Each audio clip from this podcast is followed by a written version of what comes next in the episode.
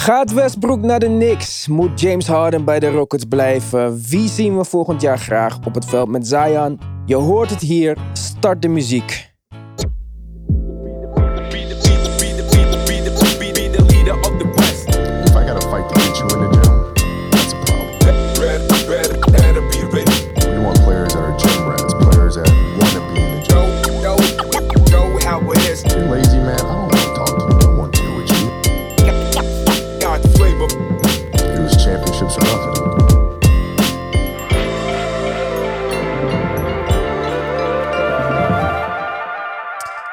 Welkom bij een nieuwe aflevering van de Basketball Podcast. Allereerst bedankt voor de nieuwe ratings. Er zijn er weer een paar bijgekomen.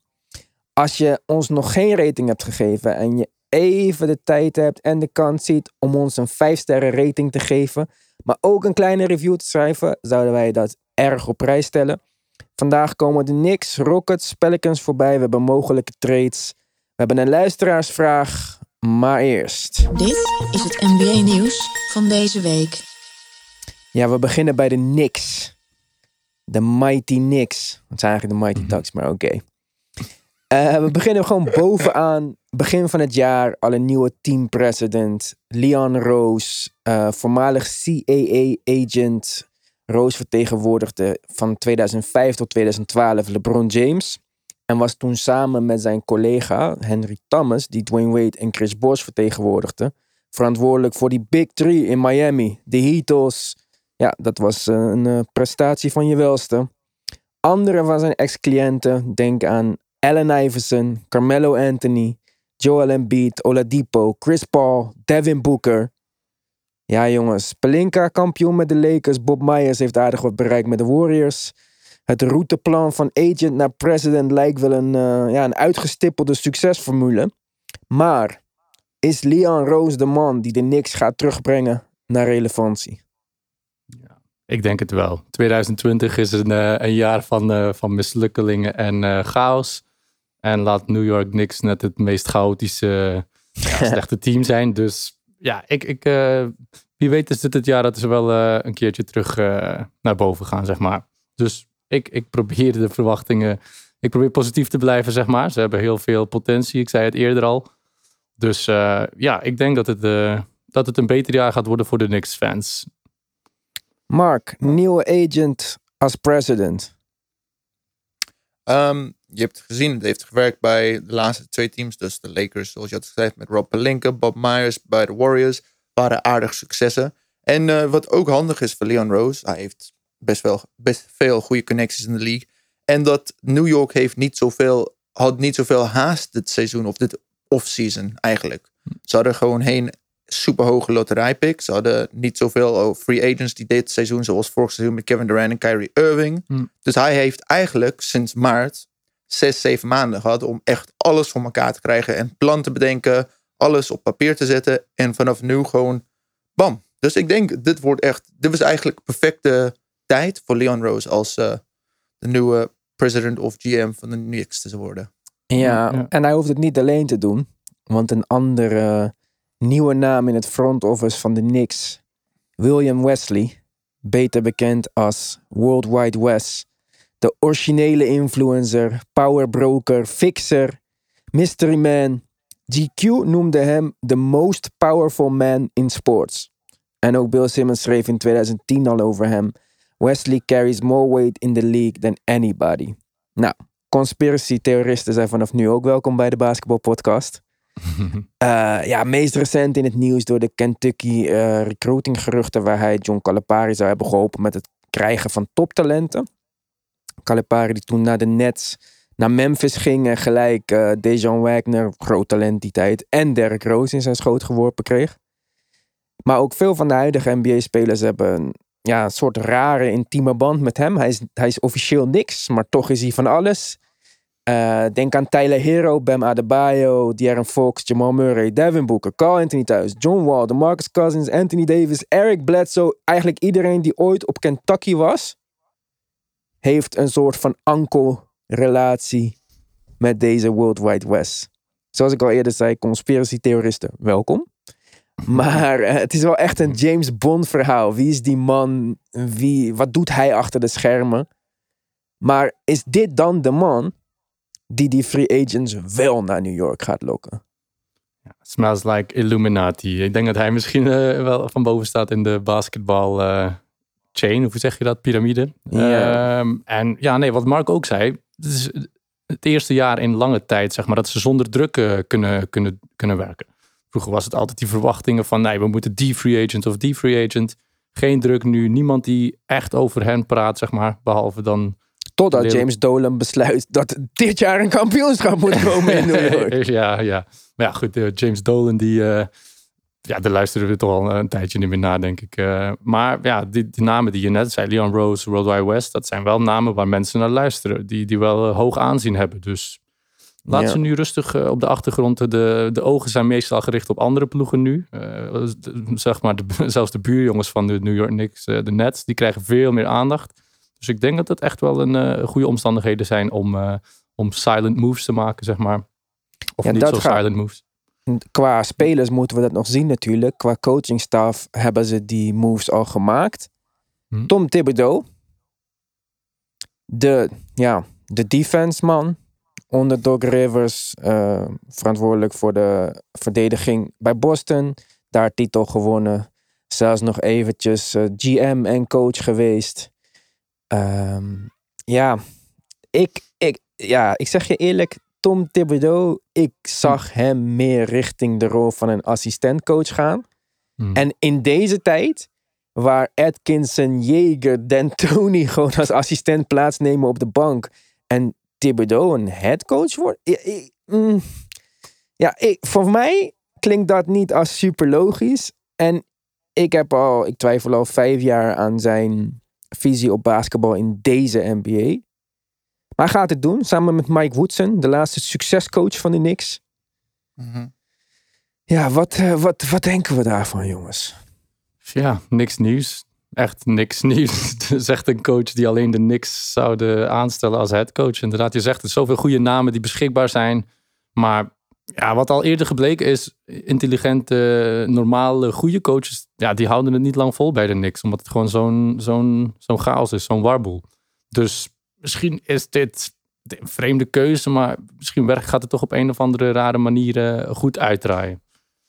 Ik eh, ben nooit fan geweest. Hij heeft ook een beetje D-Rose zijn carrière, zeg maar. Hij heeft hem, ze- ja, als ik Overplayed, zeg maar. overplayed, Ja. overpracticed zelfs. Eh, gewoon echt kapot gemaakt. Eh, ja, hij, hij kan daar misschien ook wel uit geleerd hebben. Maar nu heeft hij wel een, eh, een roster vol met jonge spelers. Dus ik denk dat hij gewoon wel eh, dezelfde route opgaat, eh eerlijk gezegd. Mis- Misschien kreeg hij eigenlijk gewoon een slechte reputatie. Als we, als we echt gewoon naartoe kijken. De twee spelers die het meest hebben kwijtgeraakt is Noah en dan Rose. Rose was, had gewoon blessures van het meest van zijn leven. Ook niet alleen in zijn knieën. Mhm. Misschien, en hoe hij speelde, was het gewoon, dat ging ooit een keer gebeuren. Zelfs bij Russell Westbrook is het een paar keer voorgekomen. Dus als je kijkt naar Jimmy Butler, dat is hoeveel jaren later, is hij nog steeds op een echt topniveau. Je ziet Taj Gibson nog steeds spelen. Dus misschien Taj geven we hem een beetje, ja, misschien geven we hem te, te slechte reputatie of te veel dingen over zoals dat. Oké, Maar maar wat kijk- heeft hij dan van Wiggins en Carl Anthony Towns gemaakt? Dat zijn twee jonge spelers, zogenaamd talentvolle spelers. Zijn player development is niet zijn sterk, sterkste kans. Zeggen dat jij hebt meegeholpen aan het ontwikkelen van Derrick Rose door hem gewoon 45 minuten per wedstrijd te spelen, vind ik nou niet bepaald eh, de grootste accomplishment op de planeet. Nee, maar ja, Carl Anthony Towns en Wiggins zijn toch spelers die, die beter gescheiden spelen, zeg maar. Die, die zijn allebei geen echte leiders. Zet zo'n spelers bij elkaar en de resultaten gaan nooit, nooit goed zijn. En een Nee. speler als Thibodeau, dat, dat botst misschien nog extra hard met zo'n zachte, zachte spelers. Ja, maar ik bedoel juist, zeg maar, kijk, Wiggins kwam in de league. Werd gedraft voor zijn athletic eh, abilities. Hè? Die mooie wingspan, hoge vertical jump en zo. En dat soort spelers worden dan ook gelijk genoemd als mogelijk goede verdedigers. Omdat ze alle tools hebben om een goede verdediger te zijn. Dat heeft hij niet uit Wiggins kunnen halen. Towns, wiens offensive game ja, van, heel goed is, fantastisch, mooi voetenwerk en zo. Maar dat had hij al in college. Heeft hij ook geen defensive backbone van kunnen maken. En voor een defensive coach, om geen enkele defensive vooruitgang uit je twee beste spelers te halen, dat vind ik dan al suspect. Plus dat we dan nog erbij krijgen dat als hij iemand goed heeft, dat hij hem gewoon overplayt tot hij er, ja, tot hij breekt. Ja, Ja. Ja, ja, ja, nee, het is, het is, als je het zo opzomt, inderdaad, het is een, eh, een triestig lijstje. Maar eh, ja, het- het- het- ja, ik vermoed dat dit gewoon zijn laatste kans is. En Ja, ja, dat jammer dat, hij, ook. dat, hij die bij, dat hij die bij de niks moet krijgen. Want het is eh, een lage, lage kans op, op slagen. Maar Daarom Dan zei ik van, defensive coach, als hij, als hij ergens op de bank gewoon de verdediging op zich mocht nemen, dan zou ik dat als een succes iets zien. Maar bijvoorbeeld als hij Hm. met Doc Rivers naar Philly was gegaan en daar de defensive coach werd en dan Jager de Ja. offensive, dat zou ik echt leuk vinden. Maar dit gaat misschien een beetje te ver, maar misschien dat hij met dit rooster wel iets kan doen. En voordat Ah, we gaan het gaat niet te ver. Ik vind het eh, mooi gezegd inderdaad. En ik denk dat dat echt wel ook zijn, zijn natuurlijke rol is in de NBA. En eh, ja, nou, dit seizoen zal hij er wel naartoe steken. denk ik. denk ik er wel van overtuigd dat het naar dit seizoen over is. Voordat we naar het rooster gaan kijken, eerst You've got mail. Er is een bericht binnengekomen. Er is een vraag van een luisteraar. Ja, Valentijn vraagt: wat zijn de verwachtingen voor de Knicks het komende seizoen? Nou, dat zijn we al aan het bespreken natuurlijk. Maar met Barrett en Mitch als bepalende spelers? Vraagteken. Ja, zijn Barrett en Mitchell Robinson genoeg om rond te bouwen? Of zijn dat pieces die je kan treden voor iets anders? Of Eh, ik zie ze meer als hele sterke starters. Ik zie niet echt de ster potentieel of in de, kom in de komende twee, drie jaren. Ik denk er zijn spelers waarom je, je kan bouwen of je team gewoon als je een ster of een free agent kan eh, krijgen, zijn zij echt goede spelers om daaromheen te zetten. Oké. heb, je, heb je al een eh, enig idee? Een eh sterspeler of een trade? Hmm, ik kan een aantal benoemen in 2021, maar voor het voorlopige seizoen, ik denk het beste dat zij kunnen gewoon ver, verder ontwikkelen. En vanuit daar dan een ster pakken in 2021, hopelijk. Ik denk dat is hun doel. En dan zullen we echt gewoon zien hoe eh, de Knicks zijn. Maar voorlopig zijn ze niet echt de sterren, de, wat ze nu hebben. Maar dat was ook niet de vraag. De vraag was of dit eh, spelers zijn die het aankomend seizoen bepalende spelers gaan zijn bij de Knicks.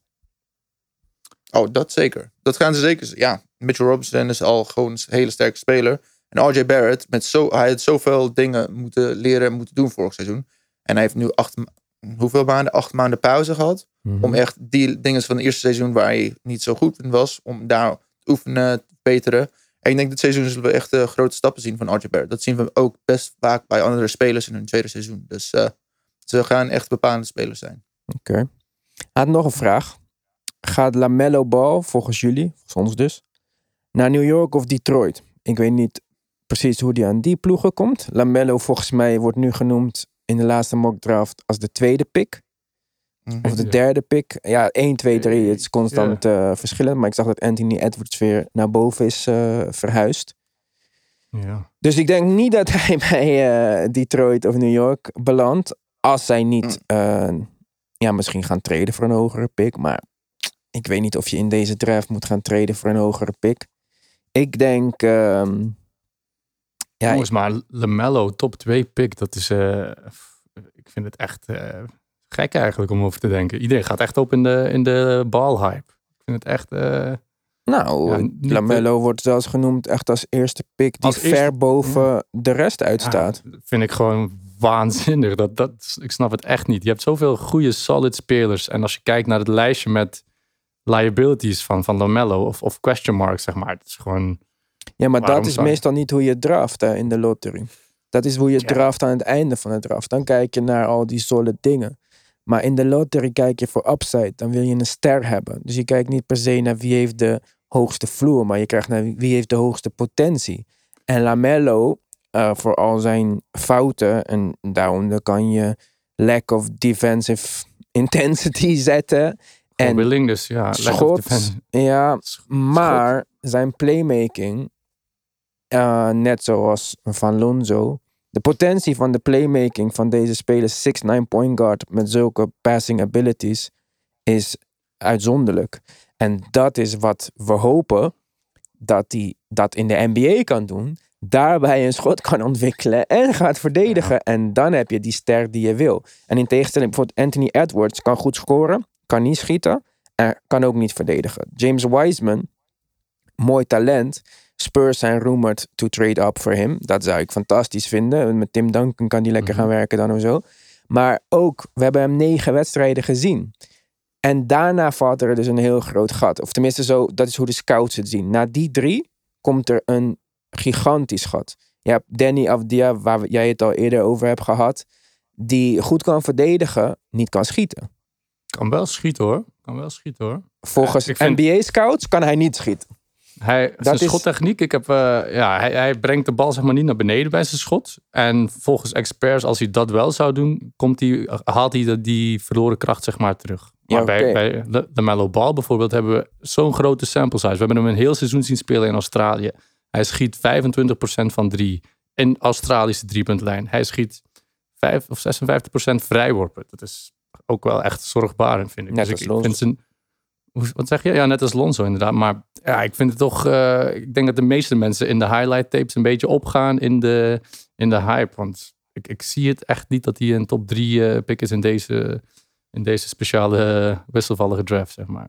Ja, maar ja, Maar daarom goed, ja. zei ik, zijn playmaking abilities is wat mensen doet geloven dat hij een, Ja. een ster zou kunnen worden in de NBA. En dat Ja. is dan het risico wat je wil nemen. Voor Minnesota is dat misschien niet het risico wat zij willen nemen, aangezien ze ook al D'Angelo Russell hebben. Ja. Soortgelijke eh, eh, ja, point guard-achtige Ja, speler. Ja. Maar ehm, ik, ik kan me voorstellen dat bijvoorbeeld de Hornets denken. Als Mhm. James Wiseman of de board is, die, waar zij eh, interesse in zouden hebben. Nou ja, Ja. oké. We hebben die ster of een passable star. Het is ook weer media-aandacht voor een kleine markt. Mhm. Ja, Ja. Heel veel media-aandacht. Want hij, vergeet niet, hij heeft een reality show, eh, de, de Ball Boys. Dus als rookie is dat iets wat je echt eh, in je team wil hebben, zeg maar. En LeVar Die, eh, heeft gezegd dat hij één op één Michael Jordan kan verslaan. Dus dat is ook eh, leuk dat ze dan eh, regelmatig Ja, met ja, ja. elkaar in contact gaan komen. Maar ja, Precies. Waar LaMelo terecht komt, dat gaan we woensdag zien. Want dan is de draft al. Tenminste, ik Mhm. ga het donderdagochtend zien, want ik ga hier echt niet voor wakker blijven om iedereen over Zoom eh, te zien en zo. Ja. Oh ja, precies, via Zoom. Het is niet ja, het wordt echt, heel eh, saai. oh, Vorig jaar kon je nog iedereen zien en zo. En Ja, ik ben een, een zakker. outfit. Dat is een eh, beetje het, e- het enige wat we, ja... Nou, niet het enige, maar gewoon een leuk extraatje, zeg maar. De foto met, met zilver. Ja, dus Ja. dat, eh, ja, nou ja, die zilver die hoef ik echt niet meer te zien, want die irriteert mij helemaal te pletter. Maar, Ja. eh, dus dat gaan we voorlopig niet zien. Als we kijken naar het Knicks rooster, ja, capspace, capspace alom, zoals Mark al zei, eh, dat willen ze misschien bewaren voor 2021 om een echte ster te tekenen. Daarentegen kunnen ze misschien wel wat op de trademark doen. Ze kunnen ook wat grote contracten incasseren voor wat extra draftpicks. En eh, Mhm. heb jij een trade waarvan je zegt, dit Ja, moeten we er niks hem. doen? Nou, dit moeten er niks doen. Het is eh, voor beide partijen goed, zeg maar. Eh, het is een beetje inspelen op, een, eh, op, de, op wat er nu speelt. De Knicks hebben geen enkele ster. Ze hebben, ze hebben allemaal, ja, geen roleplayers, maar allemaal ontwikkelende spelers, zeg maar. Mhm. Russell Westbrook, ik vind dat hij gewoon perfect past bij de Knicks cultuur. Heel veel cultuur, niet Ja. Ehm, Westbrook, ja, ik vind dat hij is van in het begin van zijn carrière is hij, is hij snel naar de finals gegaan en is hij een beetje afgeschreven op, eh, ja, wordt hij afgerekend op, op, op winning basketball, zeg maar. Maar Westbrook is geen speler die, ja, die winning basketball belichaamt, zeg maar. En de Knicks is ook geen team die winning basketball belichaamt. Westbrook is een speler die, die gewoon de leader moet zijn, die vecht voor een plekje in de playoffs. In het oosten is het ook al een, eh, een stuk makkelijker. Oké. Eh, genoeg trade chips, genoeg, genoeg first round picks. Ja, ik zou nu een aantal spelers kunnen opnoemen, maar je kan echt. maar vertel, wat is je trade? Mijn trade is eh, ja, Russell Westbrook voor Julius Randle, Taj Gibson, Alfred Payton. Drie first round picks, of zelfs vier. Ze hebben er ja, nog meer zelfs. Maar op zich, wat de Rockets willen, zeg maar. Want eh, elke speler op de Knicks roster is, is, is Wat zei je? Taj Gibson? Taj Julius Gibson, Randle? Ja, Alfred Payton. En dan drie first round picks of vier. Eh, en dan, je zou het nog kunnen aanvullen. Je hebt nog uh, ja, Dilikina, Dennis Jr. Smith. Ja, maar Taj Gibson heeft geen guaranteed contract. Nee. Dus Maar goed, ja, in ieder geval. Je hebt Kevin Knox, Dennis, Jr., Dennis Smith Jr., je hebt Telekina, je, je, hebt, je hebt Barrett. Je kan echt wel een combinatie maken, zeg maar, waar de Rockets eh, blij mee zullen zijn. Want het is niet makkelijk om, om value terug te krijgen voor iemand als Westbrook.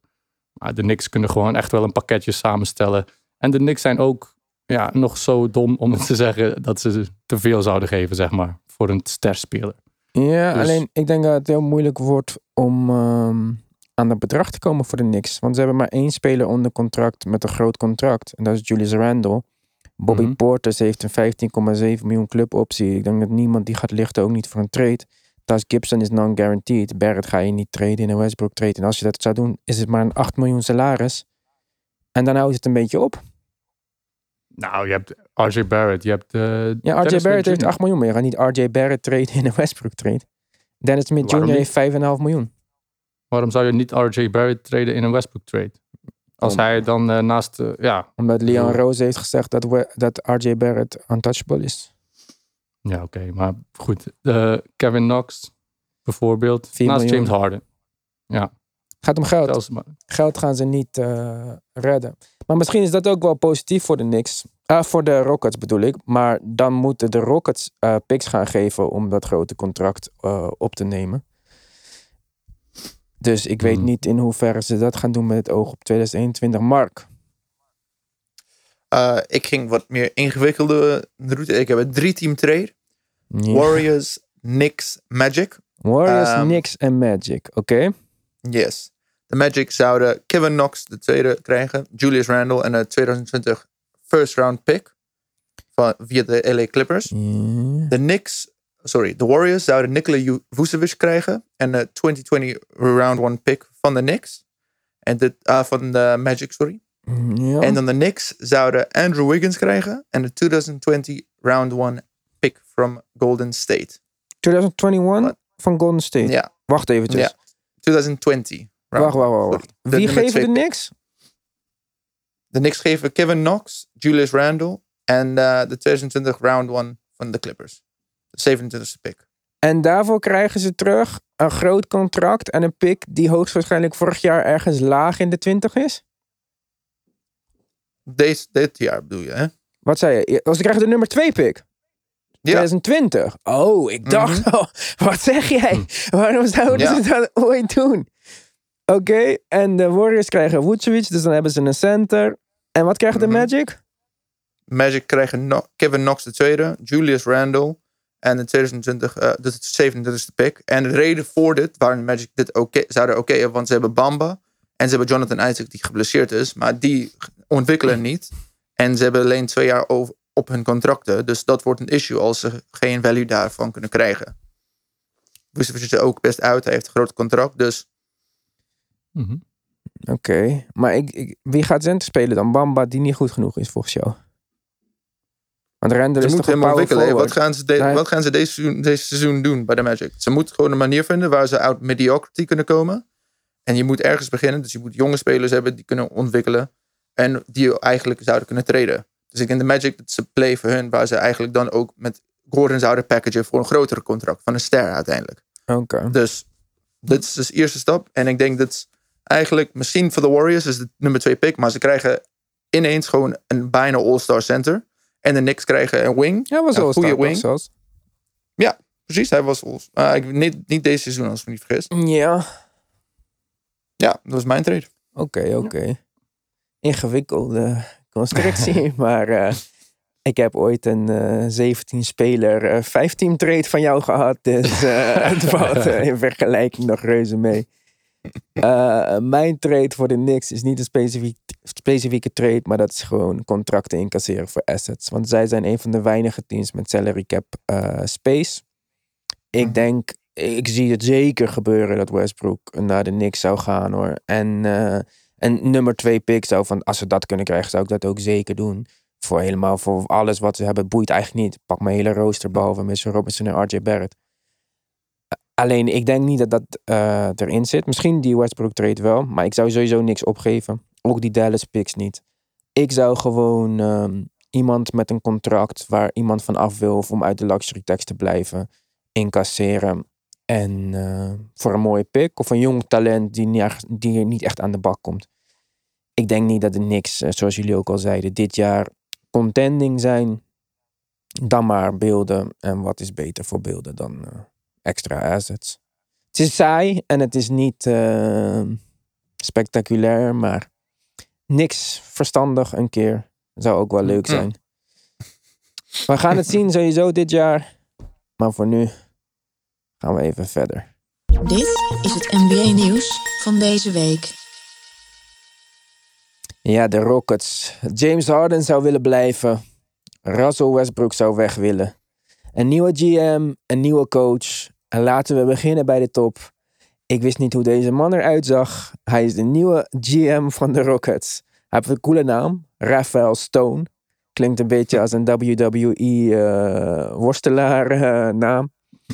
In tegenstelling tot de gemiddelde worstelaar heeft hij een Stanford Law diploma. Hij zou een master negotiator zijn zijn ehm, focus aan het, voor het aankomende seizoen zou shooters en een center zijn.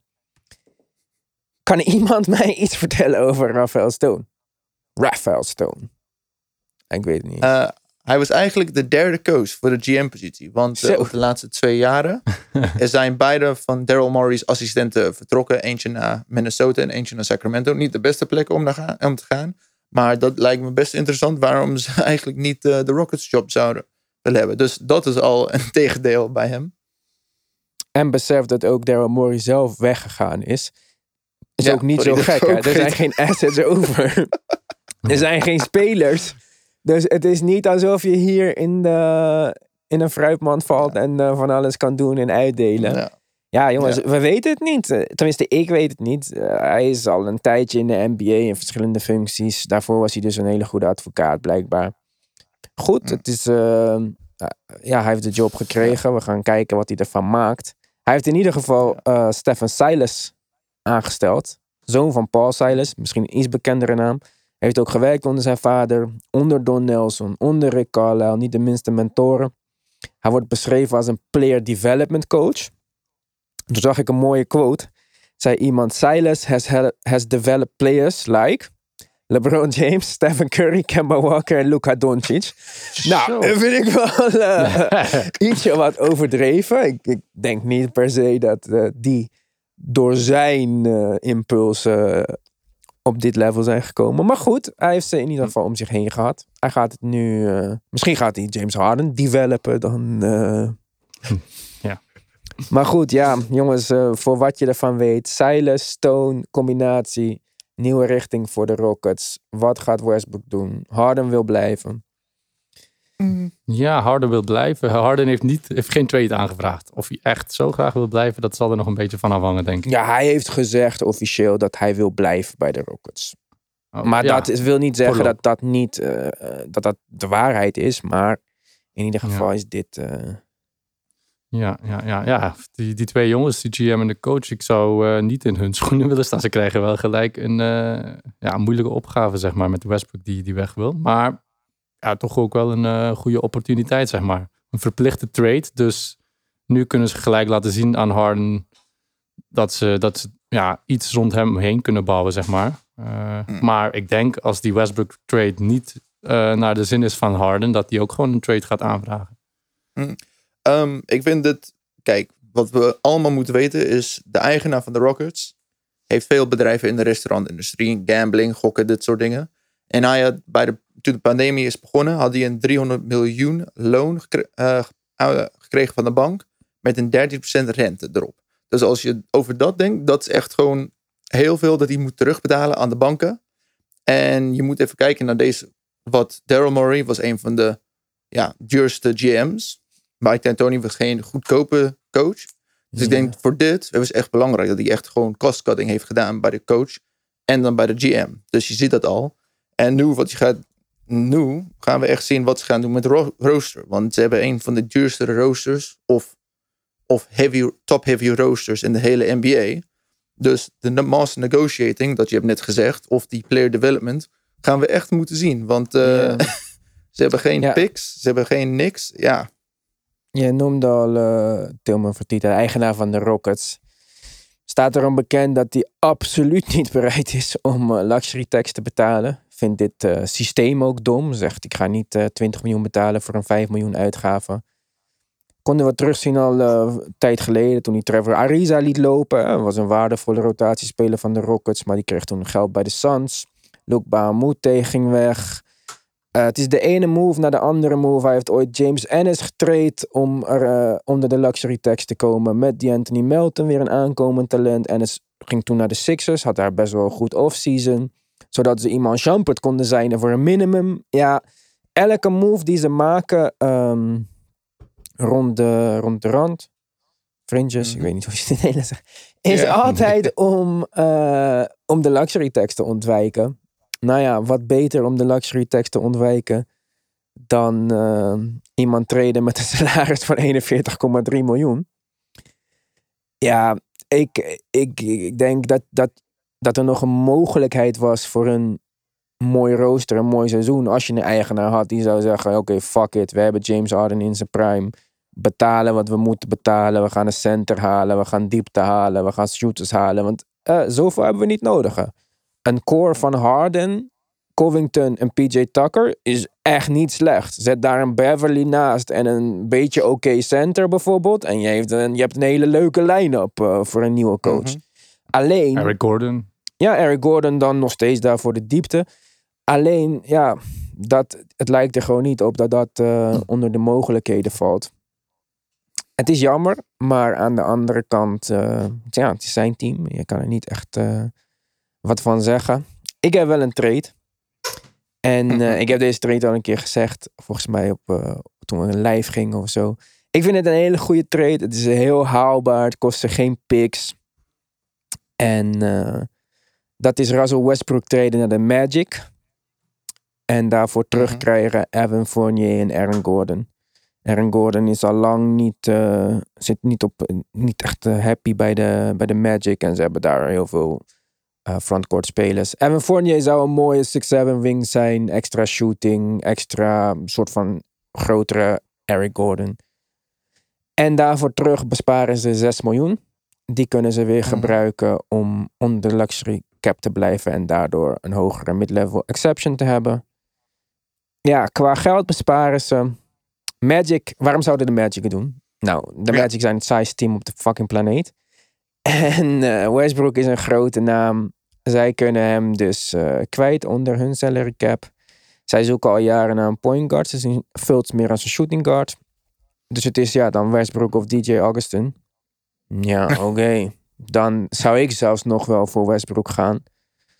Ik zeg niet dat het ideaal is. Ja, ik, kijk, ik ben geen fan van Westbrook. Hè, dus ik, wil, ik, ik vind nergens Westbrook per se een aanwinst. En ik zie hem ook echt gaan naar een team als de Magic. Of misschien wel naar Charlotte. Hij is een Jordan Brand speler. Dan echt naar een Clippers team of zo. Die zijn genoemd in trade rumors. Ik kan me niet voorstellen dat er een team is zo dichtbij contending. Die denkt dat Russell Westbrook het missing piece is. Dus ik trade hem naar de Magic voor wat cap relief. En twee eh, rotatiespelers. Ja. ja, wat je zegt inderdaad, nergens is een perfecte, perfecte bestemming voor Westbrook. Maar ik, bij mij, bij een trade, ging ik er al vanuit dat hij dan bij de Knicks zit. En dat de cap, dat er al veel meer ruimte vrij werd gemaakt, zeg maar. Ja. Eh, en dan alsnog zou ik, eh, ja, gek genoeg, James Harden toch proberen traden. Voor? eh, na, na, naar de Sixers. Daryl Morey die heeft al aangegeven dat hij een hele grote Embiid-fan is. Over Simmons heeft hij minder gezegd. Dus ik, ik denk dat hij dat zeker als een optie ziet. De, de, ehm, de Rockets hebben ook al naar buiten gebracht van ja, Daryl Morey, eh, je moet zelfs niet proberen om, om Simmons voor Harden te traden. We gaan het toch niet doen. Maar ik denk dat ze dat gewoon zeggen om de, om de value een beetje omhoog te krijgen. Om er nog meer uit te halen. Oké. Sixers hebben, hebben pieces die, die, die de Rockets wel zouden kunnen gebruiken. Dan eh, bijvoorbeeld een Simmons en ja, je kan nog kiezen een Horford of een, een Harris. Ik zou Harris dan wel laten bij de, bij de Sixers. Een, een Tybal, een jonge speler. Dus, en, een- en een pick. Dus het is Eh, Simmons met... Simmons met Tybal en een first round pick. Maar dat kan toch niet voor de Sixers? Hoezo? Omdat ze dan toch te veel salaris terugkrijgen? Ehm, nou, ik heb ergens ge- gelezen dat het wel mogelijk zou zijn, maar Ben Simmons. Ik ga het even voor jou opzoeken. Ja. ben Of Al. Horford erbij om het salaris te... Nee, dat kan niet. Dan krijgen de Rockets te veel. Trade. To Rockets. Matisse Tybel. En dan James Harden to Sixers. Misschien kan het wel hoor. Ik ga even voor je Maar als. Westbrook al weg is, bedoel ik, hè, dat, eh, dat daar ook al. Of maakt, nou, maakt, maakt voor de Sixers niet uit, natuurlijk. Nee, maar het kan ook eh, sowieso. Ja. Het kan. Ben Simmons en Tybel voor Harden kan. Kan? Ja, het is binnen de procent eh, die trade mag afwijken. Maar wel de maximale aantal. Ja. eh. en dan zouden de, Simmons, zouden de Sixers dus in de luxury tax komen. Ja, maar de Sixers met Doc Rivers, die hebben dus echt wel. En Daryl Morey hebben ze toch wel aangegeven dat ze echt wel voor die titel gaan. Dus dat ze echt wel all in gaan. Eh, ja, ik, ik vind Harden en Embiid ook eh, echt goed bij elkaar passen. Eh, Ja, Dus- ik denk dat jij denkt aan pick and rolls en zo tussen Harden en Embiid. Nou, maar Embiid is wel ongeveer de zwakste screenzetter voor zo'n groot centrum.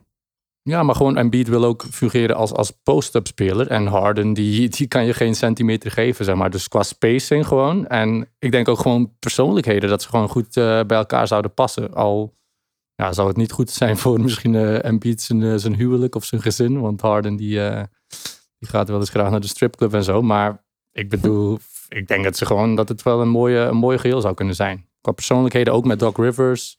Eh, nu werkt het alleszins niet goed. Nu is het niet helemaal. eh, dus ik zou zeggen, waarom niet? De Rockets hebben dan gewoon een sterk team. Hè? Als ze bijvoorbeeld, eh, dan hebben ze Simmons en, en al die. En alles wat ze voor Westbrook hebben gekregen. Dus een, een nieuwe start, nieuwe GM, nieuwe coach. Dus ik, ik vind het wel mooi voor, voor allebei de partijen, zeg maar. Oké. Mark? Ja, ehm, jullie weten dat ik heb liefst voor de Celtics. Dus ik ga gelijk zeggen, dat is eh, Celtics Rockets trade. Je gaat toch niet De James Harden naar de Celtics traden voor uh, Gordon Hayward of zo, hè? Nee, nee, nee. Ik, ik had het al geprobeerd. Dus eh, die was even tricky. En ik dacht, hmm, die is niet echt op de Celtics timeline. Ehm, wat ik had is Rockets krijgen Grant Williams. Power forward 6'6. Ennis Kanter. Die heb je vorige week ook al getraind. 6'10. Ja. Ja, precies. Ja. Ik ga ervan uit dat die zijn niet gelukt. Maar... En ze krijgen de Rockets, wat ook heel belangrijk is. Ze krijgen Milwaukee's 2020 first round pick. Goed, belangrijk voor hun cap, want het kost niet zoveel. ja. En ze kunnen gewoon beginnen met ontwikkelen. En, en wat de Celtics krijgen, wat, we wat, ze wat ze duidelijk misten vorig seizoen. Ik zit nu Miami, al te is lachen. PJ Tucker. Ja, dag. Precies. Ja. Ja, ik denk het ook. Jullie ja. denken, kijk, uiteindelijk, dit is gewoon, wat zegt Barrett Stevens tegen de meeste van zijn rookies? Stand in the corner and shoot three pointers. Ja, wat doet PJ Tucker? Verdedigt echt goed. ja, dus hij dat, kan bam. dat is zo beetje- low prijs voor PJ Tucker, Mark. Hij heeft één jaar op zijn contract, hè? Ja, maar een 29ste pick en eh, een Grant Williams die alleen jij kent sinds je dat je hem elke week in een trade room Hey, Grant, gooit. Williams, Grant Williams was eh, Nee. echt eh, best oké in de playoffs, hè? Hè? 100% gaat En de niet Cantor is een center. Ze hebben een center nodig. Ja, ze hebben ook PJ Tucker nodig. En helemaal als ze niks trades door, niks trades doorgaat en ze Ben Simmons hebben, dan hebben ze echt geen reet aan Ennis Kanter. Maar nee, nee, nee. Dat is, ik denk dat is echt zo'n lage prijs. Je kan wel zeggen PJ Tucker één jaar contract. En hij is misschien wat Hij is ouder. 36. Ja, maar leeftijd telt niet bij hem. Hij is pas in de NBA gekomen toen hij 30 is. En eh, zij, met zijn manier van spelen kan hij nog jaren vooruit. En zo'n waardevolle defensive speler met zo'n mooie corner three. Met een 1 jaar 8 miljoen contract. Ik denk dat ongeveer iedereen in de NBA die zich ook maar denkt dat ze in de buurt van een playoff race zijn, daar een betere pick voor over hebben. En met zo'n contract kan je altijd salaries matchen. Dus een Grant Williams, Ennis Kanter en pick 30? Nee. Dat is worth a try, hè? ja. Kan. Ja. Ja ik, ja, ik vind het op zich niet zo, zo, zo gek. Maar ik zie PJ Tucker niet echt bij de Celtics eh, passen. Op een of andere manier. Dus ze zijn een beetje door de mand gevallen. Zou je hem eh, als vierspeler dan, eh, vermoed ik toch? Niet als small ball 5, toch? Mark? Ja, zelfs, hij kon zelfs small ball 5 spelen een paar minuten. Hè? We hebben Ja, alleen ja, ja. 20 minuten per wedstrijd nodig. Echt. Maar de Celtics hadden wel echt iemand nodig die toch een, ja, gewoon een goede, een betere big guy, zeg maar. Dus Hm. ik snap niet wat, ik zou de move niet, eh, zelf niet maken. Nee. Oké. Nou. Dan gaan we gewoon verder. Dit is het NBA nieuws van deze week. Gaan we verder met de Pelicans. Die hebben natuurlijk eh, een nieuwe coach. Ja, het is Stan Van Gundy. Niet Jeff. Stan. Oud Pistons coach. Oud Magic coach. Was de man achter Dwight Howard's meest succesvolle jaren.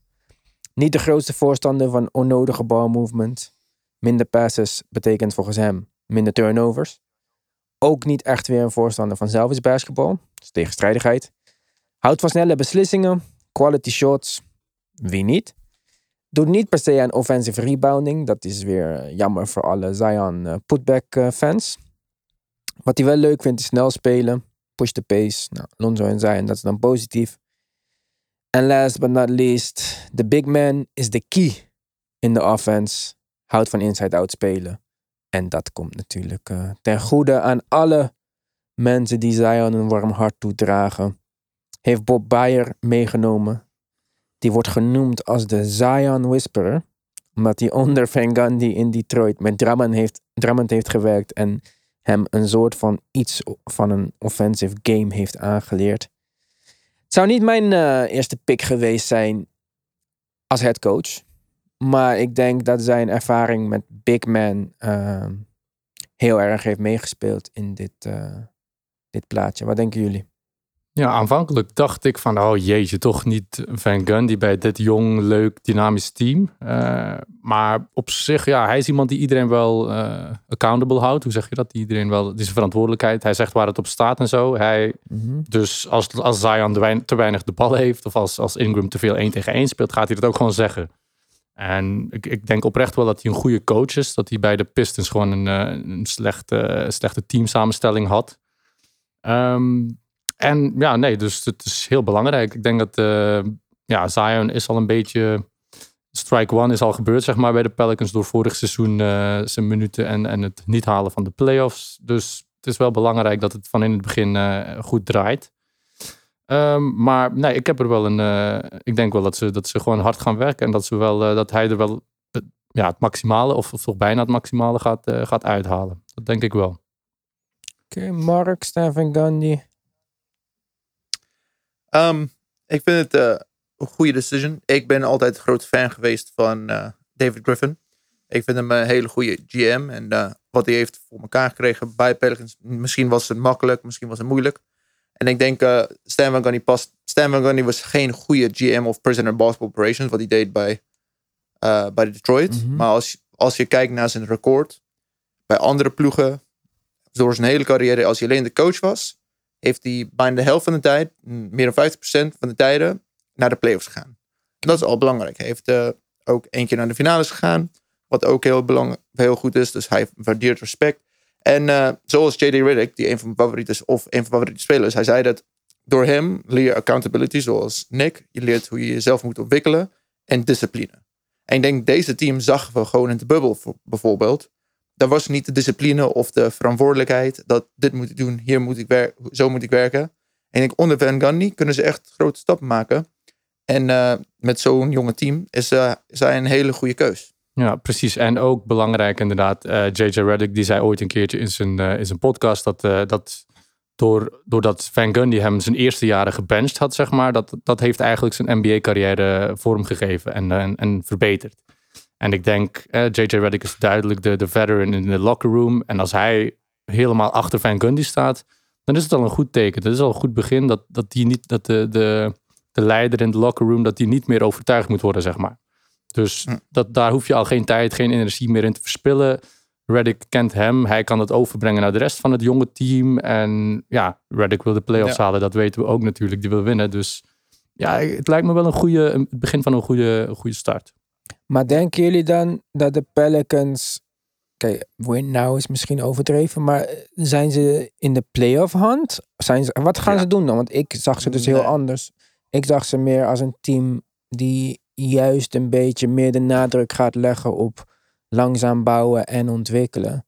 Ook met de rumors over een holiday trade. En een holiday is een speler die je zou houden als je gaat voor een playoff push. Ja, nee, dat is een speler die je, die je ziet als asset. Omdat ja, je hebt heel veel jonge spelers. Ik denk dat eh, win now is veel gezegd. Maar de komende vier jaar gaan ze wel gewoon elk jaar verbeteren. En en minimum al de playoffs halen dit seizoen. Een Holiday die, ja, een, een, een kei van een speler, maar hij past niet perfect binnen, binnen, dit, eh, binnen dit team, waar, waar maar één bal is, zeg maar. En je hebt al een Lonzo die dus geen scorer is, maar wel de bal nodig heeft om, om zijn teammates op te zetten. Dan heb je Ingram die graag elke aanval 1 tegen 1 wil spelen. Dan heb je Reddick die ook nog eh, liefst eh 5, 6 driepunters per wedstrijd schiet. En een Zion Williamson. Dus het wordt al heel moeilijk. Dus dan kan je dat beter Holiday omzetten, de oudste speler, zeg maar. Kan je die beter omzetten in wat ze, wat ze wel nodig hebben. En dat is defense en, en nog meer shooting. Oké. Heb je dan een, eh, een trade eh, voor Holiday in gedachten? Ja, ja ik, vond, ik vond het ook heel erg jammer voor Holiday. Hè, want eh, ik, ik vond hem altijd een van mijn favoriete spelers. eh, maar hij, was, ja, hij is één jaar ouder als ik. En hij was de eerste, zeg maar, die van mijn leeftijdscategorie een beetje in de NBA kwam en, en succesvol was. Dus ik wens hem ook een goede, een goede bestemming toe. En dat is bij de Pacers. Kan hij bij zijn, eh, bij zijn broertjes gaan spelen. Drie broertjes in één team. Ja. Hij gelukkig, dan kan hij niet ongelukkig zijn. Dus dan eh, nemen we dat al zeker weg. En in ruil daarvoor wil ik eh, Miles Turner, dan McDermott en een 2022 eh, lottery protected first round pick. Dus dan hebben ze een backup voor Lonzo Ball. McDermott die een hele goede driepuntschutter is. Lonzo die, ja, als er een goede backup is, wat ook wel een beetje druk oplegt voor zijn spel. Dus dat gaat hem misschien ook wel helpen, zeg maar. En als hij niet goed speelt, kunnen ze de wedstrijden afsluiten met McDermott. En dan Miles Turner, ja, een, een, een vijfspeler naast Zion die ook drie punten kan schieten en wel verdedigend eh, goed is. Dus het lijkt me win-win voor allebei. Dus wie gingen er En- ook weer naar de Pelicans? Miles Turner en McDermott. Oké. En die 22 first round pick. En als Oladipo dan weggaat, ja, dan hebben de Pacers op, op zich gelijk een, eh, een, een vervanger voor hem. En waarom willen de Pelicans Miles Turner? Ik, ik neem aan dat Doug McDermott is jouw salary filler een beetje ook, toch? Dus Salary filler, en maar ook is gewoon de voor, speler, zeg maar. Ja, ja, ja, maar ook voor drie, punts, voor, voor drie punters, zeg maar. En ja, Lonzo ja, heeft dat schot niet echt. En soms is het gewoon belangrijk op het einde van de wedstrijden. Want hij is een goede playmaker. Die kan creëren voor zijn teammates. Maar is dat altijd nodig? Is dat nodig bij dit team, zeg maar? Met een Zion, met een Ingram en met een JJ Redick bijvoorbeeld. Maar inderdaad, Miles Turner, een, een vijfspeler die, ja, die kan drie punten schieten. Naast Zion, die toch niet echt... Dus ze, ze kunnen naast elkaar spelen. Of ze kunnen elkaar afwisselen. Zion kan natuurlijk ook op de vijf. Ehm, en, en vooral ook een rim protector, een beetje een defense. Maar eh, jij zegt hij is een driepuntschooter. Ja. Nee, hij kan, hij kan drie punten schieten. Hij is, hij is geen. Ja, hij, dus als, als, als er veel ruimte is, dan gaat hij meer open schoten krijgen. En spacing is wel, eh, spacing is wel goed voor in een team met, eh, met, met Zion, met JJ Redick. Maar ben je niet bang voor de rebounds dan? Want kijk, we hadden Derek Favors, goede rebounder. Zion moeten we nog kijken. Maar Miles Turner voor zijn lengte, 30 minuten, 6 rebounds. Nee, niet echt. Maar ja, Zion inderdaad, hij, hij gaat echt wel voor die rebounds. Offensively, defensively. Eh, Jackson Hayes, is die volgend seizoen nog... eh, Ja, Ja. zeker. Dat is hun future. Ja. Toch? Daar hebben ze voor getraind om die pick te krijgen. Precies. Dus die kan ook wel eh, een beetje springen. Dus die zal ook wel eh, een reboundje hier en daar. En ja, veel, veel spelers. Ingram is ook heel, eh, heel lang. Dus die verre, verre rebounds. iedereen kan de rebound nemen en zelf de bal overbrengen, zeg maar. Dus lijkt me wel een, een beter evenwicht dan, dan wat ze nu hebben. Ja, kijk, voor de Pacers zou ik het zeker doen. Ik denk niet dat ik het zou doen. eh, ik denk niet dat Miles Turner en in 2022 protected lottery pick, maar of nou niet protected of wel.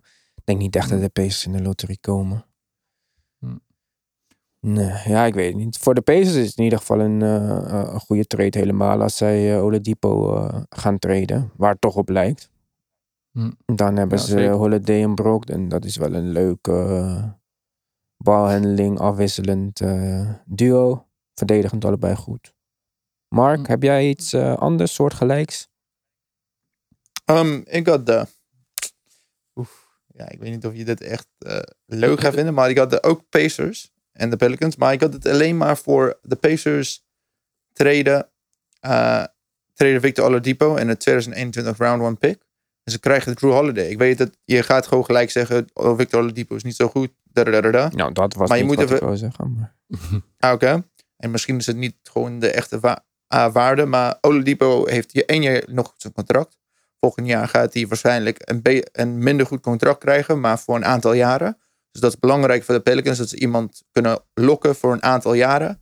En gewoon met hem spelen. Hij komt in een van de beste groups. Dus hij speelt altijd beter als er een goede systeem is. En met betere spelers rond hem. Dat is maar de beste spelers ook. En wat we hebben ook gezien is hij is een two-way speler. Wat belangrijk is. Want de Pelicans hebben niet zoveel superster verdedigers. En je treedt Hij nu de beste off the weg. ball spelen. Ja, maar hij... Even, even kijken. Hij, Drew Holiday paste niet super goed bij het team. Dat hebben we vorig jaar gezien. Het werkt niet met Lonzo daar. En het werkt niet met hem of dan met Zion. Hij is niet zo goed off the Met ball. Ingram. Drew Holiday. Ingram Ja, ik. en Ingram ook. En Victor Oladipo past veel beter in die systeem waar hij off-bal kan spelen. Hij hoeft de bal niet de hele tijd, maar hij kan wel af en toe de bal pakken. En ik denk dat is veel belangrijker voor de Pelicans. Dat ze mensen hebben die niet de bal de hele tijd nodig hebben. Maar En dat is ook wel het enige Ingram- verschil tussen Oladipo en Holiday. Voor de rest zijn het echt Ja. super soortgelijke spelers, zeg Ja, maar. precies. Maar, Maar ja, je maar moet, het is wel een het belangrijke, eh, ja, een belangrijke precies. nuance vind. Ja, nee, ik vind het ook wel, want ja, En hij is jonger, hè? Hij, is hij is veel jonger. Hij is alleen eh, zes- eh, 27. Hè? Dus niet vergeten, dat is een aantal jaren dat je hebt. En hij is, dat lijkt me gewoon veel beter voor hen. Ja, voor de Pacers is... jullie maken de Pacers sowieso goed. Dit is, ik wist niet dat jullie allebei zo'n warm hart eh, hadden voor de Pacers. Maar eh, ja, als ik de Pacers was, zou ik dit fantastisch vinden. Als Oladipo echt weg wil, dat zijn ook maar rumors natuurlijk. En als Holiday Hmm. echt weg wil, dat zijn ook rumors. Maar dan eh, dat hij de weg wil. Holiday. Oh ja. nee, ik dacht dat, de, dat het rumor was dat, die, dat, dat, de, dat de Pelicans hem wegwouden. Zeg maar. Dat zij echt aan het kijken zijn om hem te traden. Maar dat hij eigenlijk eh, ja, maar wel wat, zou willen blijven. Wat ook het geval is. Voor de Pacers zou het fantastisch zijn. Je krijgt eigenlijk een soortgelijke speler, maar die nog iets meer balhandling eh, abilities heeft. Wat helemaal prima is eh, naast Brogdon. Omdat Brogdon ook prima zonder bal kan spelen. En eh, ja, twee jaar contract in plaats van één jaar heb je wat langer de tijd om, om, ja, om rond te kijken. En je verliest uh, defensively niks. Ja, ik vind Oladipo heel slecht nu. Tenminste, het laatste wat ik van hem heb gezien. Hè. Ik, Ja, ik kan hem alleen maar oordelen op wat ik de afgelopen anderhalf jaar van hem heb gezien. Dat was helemaal niks. Precies. Dus eh, ja, het is wat het is. Ik, ja, ik, ik weet niet of... eh, ik zou niet weten of er een team is die echt nee of ja zegt hiervoor. Of echt warm of koud wordt. Mhm. Ik, ja, zoals ik al eerder zei, ik, zag de, ik zie de Pelicans in een heel ander stadium. Ik zie ze meer in eh, ontwikkelen en nog verzamelen van assets. Daarom is mijn trade ook volledig anders dan die van jullie. Het heeft niet zoveel ehm, nut nu voor de Pelicans. Maar ik trade Drew Holiday, die eh, in een interessante rumor werd genoemd als kandidaat bij de Hawks. Waar ik hem wel leuk zou Mm. vinden passen naast Trae Young. En dat zou de Hawks backcourt ook wat ver- verstevigen. En als Capella eh, terugkomt, dan denk ik dat met Holiday en Capella heb je toch een frontcourt en een perimeterspeler die eh, ja, verdedigend iets kunnen toevoegen. Belangrijk. En daarvoor terug krijgen ze zeer weinig. Maar de Hawks zijn een van de weinige teams met eh cap space. Dus die Mhm. incasseren het grootste gedeelte van Holiday's contract in eh, cap space. Daarvoor terug krijgen ze Cam Reddish. Hoge pick, toch niet helemaal geworden wat we hadden verwacht. Derde speler eh, op het Zion Barrett team in college. Die Andre Hunter lijkt hun wing van de toekomst te zijn. Daarvoor moeten ze wel de nummer 6 pick geven van dit jaar. Nog een kans voor de Mhm. Pelicans om in de top niet zo sterke, maar wel diepe draft een nog een rotatie wingspeler te vinden of 3D guy. En een Of tweede. de bal. ja, als hij Of tot zes eh, verhoudt. Alle broertjes bij elkaar. Ja, Waarom niet? Nick is echt voor de familiehereniging eh, dingen. Ik Ja. denk dat hij zijn familie mist. Maar, en dan nog een 2021 pick. Dus wat krijgen we daarvoor? Cam Reddish. eh, nog steeds eh, alle tools om een rotatiespeler te worden. 2021 pick. Die dan hopelijk voor de Hawks niet zo hoog uitvalt. En de nummer 6 pick van dit jaar. Ik had, Ja, iets, ja, ik had iets anders verwacht van jou. Eh. Wat dacht je? Ik dacht dat je sowieso, ik dacht dat je sowieso een manier zou proberen te vinden dat eh, gewoon de 76ers JJ Redick zouden kunnen weer krijgen. ik was er echt aan het wachten voor dat. Ik zou liever hebben dat Ben Simmons naar de Pelicans gaat. Dan fuck Ja, Lonzo maar- maar. Laat Ben Simmons maar rennen met Zion. ja, maar Drew Holiday bij de Hawks, dat is wel echt een, eh, een mooie fit. Dus, eh, ik vond het interessant. En ja, al, ja. die, al die spelers, alle trades die ik voorbij heb zien komen, inclusief jullie trades, je krijgt altijd value terug voor Holiday. En het is ook maar afhankelijk van hoe hoog jij Holiday valued. Ik, vond hem altijd oké. Toen ik wat meer naar de Pelicans ben gaan kijken vorig jaar, vond ik dat hij vooral Lonzo, Zion en Ingram in de weg zat, die ik leuker vind. Dus dan dacht Ja. ik, ja, oké, je past niet echt Maar in dit systeem. Ja, dan is het al van waarde, zeg maar, dat hij gewoon niet meer bij Ja, het team maar zit. Zeg maar. dus- dat, dat is ook al. Ja, maar ik ben een- on board met een trade voor Holiday. Alleen, ik zou dan niet per se bijvoorbeeld, om eh, een voorbeeld van net te gebruiken, Oladipo daarvoor terug hoeven. Ik denk dat dat voor dit jaar niet zoveel nut gaat hebben als Oladipo al op zijn oude niveau komt. En dan denk ik van ja, geef me dan maar Cam Reddish. Zelfde timeline als al je spelers zowat. Geef me maar nog meer future assets. Geef me die nummer 6 pick. Want van 4 tot en met 15 in de aankomende draf is soortgelijke waarde volgens de experts. Dus als we toch buiten die, die top 3 draften, dan zou ik denken, nou, mogelijkheid om een, nog een winger bij te krijgen. Of een center als je niet tevreden bent met Jackson Hayes. En omdat de meeste van de spelers zo jong zijn en het erop lijkt dat ze Ingram sowieso gaan resignen. Met Ingram, Lonzo, Redick, Zion. Is je floor, nou, ik denk sowieso top eh 12 in het westen. Mhm. En dan zie ik niet één speler die dat met vier, vijf plekken kan verhogen.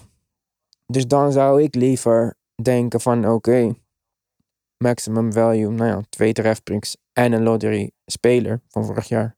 Lijkt me op zich een goede value. Plus je komt onder die ehm, salary cap.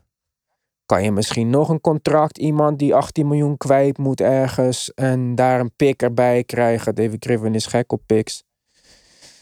Ik zeg niet dat het een ideale trade is. Misschien zijn Pelicans fans heel teleurgesteld nu dat Holiday vertrekt voor alleen maar assets. Maar ik zou het geen onverstandige move vinden. Nee. Ja. Ik vind het gewoon heel, eh, heel normale trade. Ik snap waarom alle teams het zouden doen. Dus ik kan er niet zoveel daarbij toevoegen. Ja. Ja, ja maar ze, ze worden niet echt beter volgend jaar. Ik denk dat ze echt wel ook meer dan je denkt echt al nu zouden willen winnen. Dat ze niet alleen maar denken aan, aan bouwen.